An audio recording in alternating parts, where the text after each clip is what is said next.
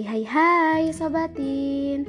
Ketemu lagi bareng aku Melza di podcast Obatin Obrolan Inspirator Teen Wah gak kerasa ya Maret udah hampir selesai aja nih.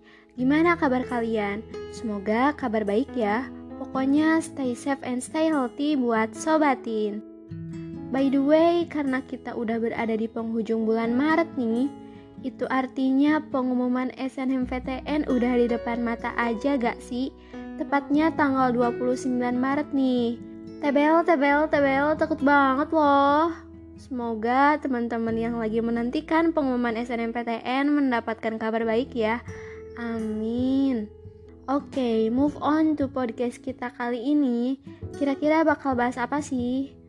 Hmm, tentunya masih seputar PTN dong, tapi kali ini berbeda karena aku bakal bahas terkait minat pelajar untuk masuk PTN menurun.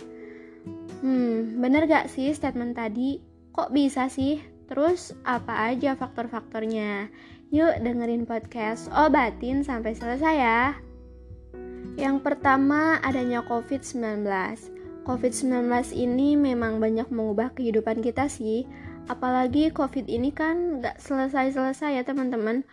Udah dua tahun kita hidup berdampingan dengan virus yang satu ini.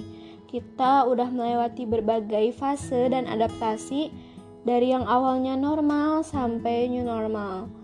Terlebih lagi nih di bidang pendidikan di mana sekarang kita melakukan berbagai kegiatan itu secara online Meskipun sekarang udah ada kebijakan untuk bisa melaksanakan perkuliahan offline dan secara hibrid juga, tapi semoga harapannya COVID ini bisa segera selesai ya, biar kehidupan kita tuh bisa normal lagi gitu.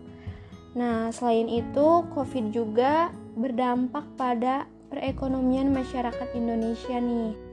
Salah satu contohnya nih buat siswa-siswi di Indonesia yang ingin melanjutkan pendidikan ke perguruan tinggi terkendala biaya. Tapi jangan khawatir, buat teman-teman yang mengalami hal ini tenang aja karena pemerintah mengadakan program yang bernama KIP Kuliah atau KIPK Merdeka.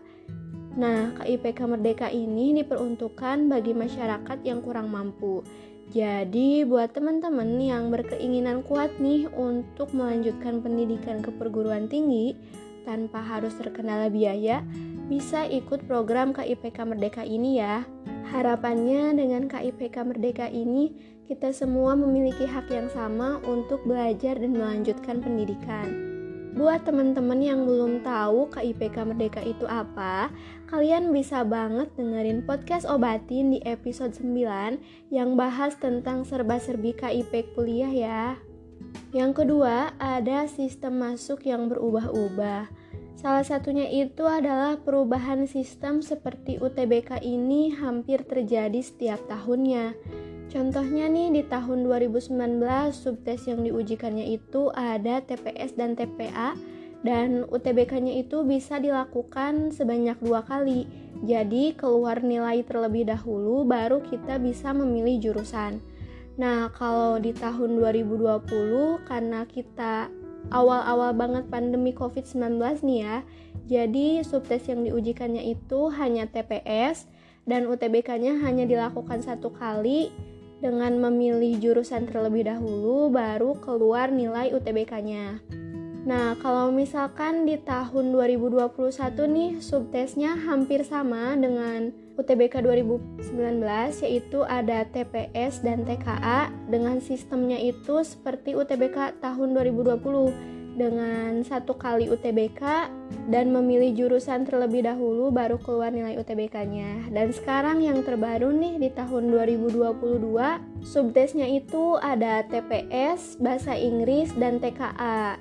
Jadi bahasa Inggrisnya tuh dipisah dari subtes TPS. Dan untuk sistemnya sendiri masih sama kayak angkatan 2020 dan 2021 yaitu satu kali UTBK dengan memilih jurusan terlebih dahulu, lalu keluar nilai UTBK. Nah, karena perubahan sistem tiap tahunnya itu membuat siswa-siswi itu malas untuk masuk PTN karena keterbatasan informasi. Sebenarnya ini kurang make sense sih, soalnya perihal informasi ini udah jadi hal yang lumrah gak sih? Apalagi dengan berbagai kecanggihan teknologi saat ini, kita bisa eksplor dan mendapatkan berbagai informasi dari sosial media. Dari yang mulai informasi penting sampai informasi yang gak penting tuh bisa loh kalian akses dengan mudah.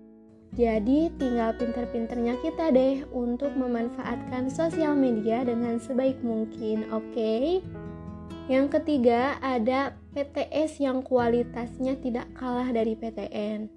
Banyaknya PTS yang kualitasnya sama atau bahkan lebih membuat minat siswa-siswi untuk masuk PTN ini berkurang, di mana mereka biasanya menilai lebih baik bayar lebih mahal daripada harus belajar mati-matian.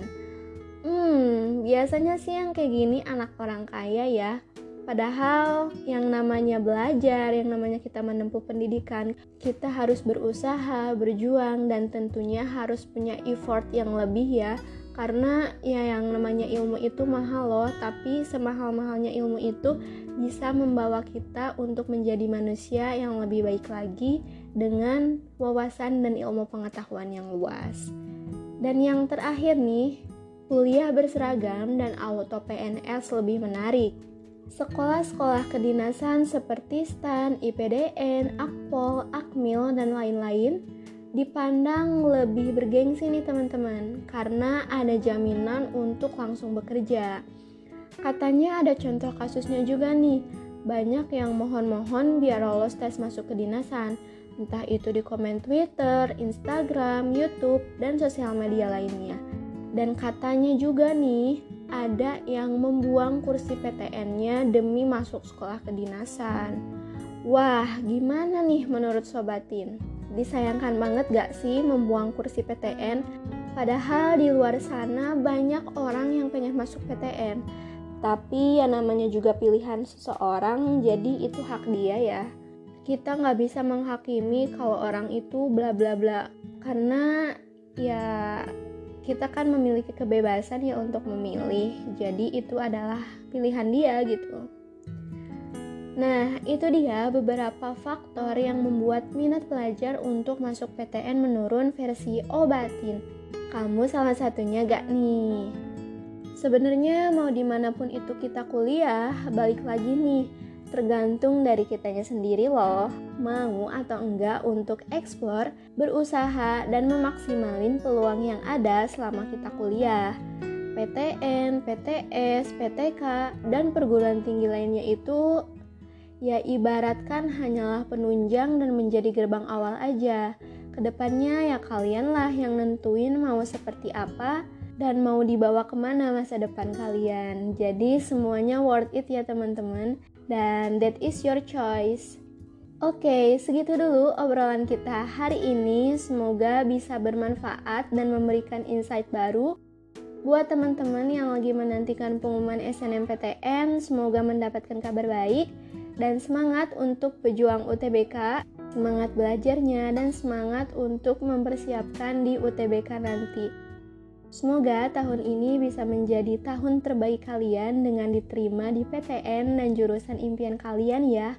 Amin. Dan gak bosan-bosan aku akan selalu ngingetin untuk stay tune di podcast Obatin setiap hari Sabtu. Nantikan episode selanjutnya bersama aku Melza dan tentunya dengan obrolan yang semakin seru. See you Sobatin, bye-bye.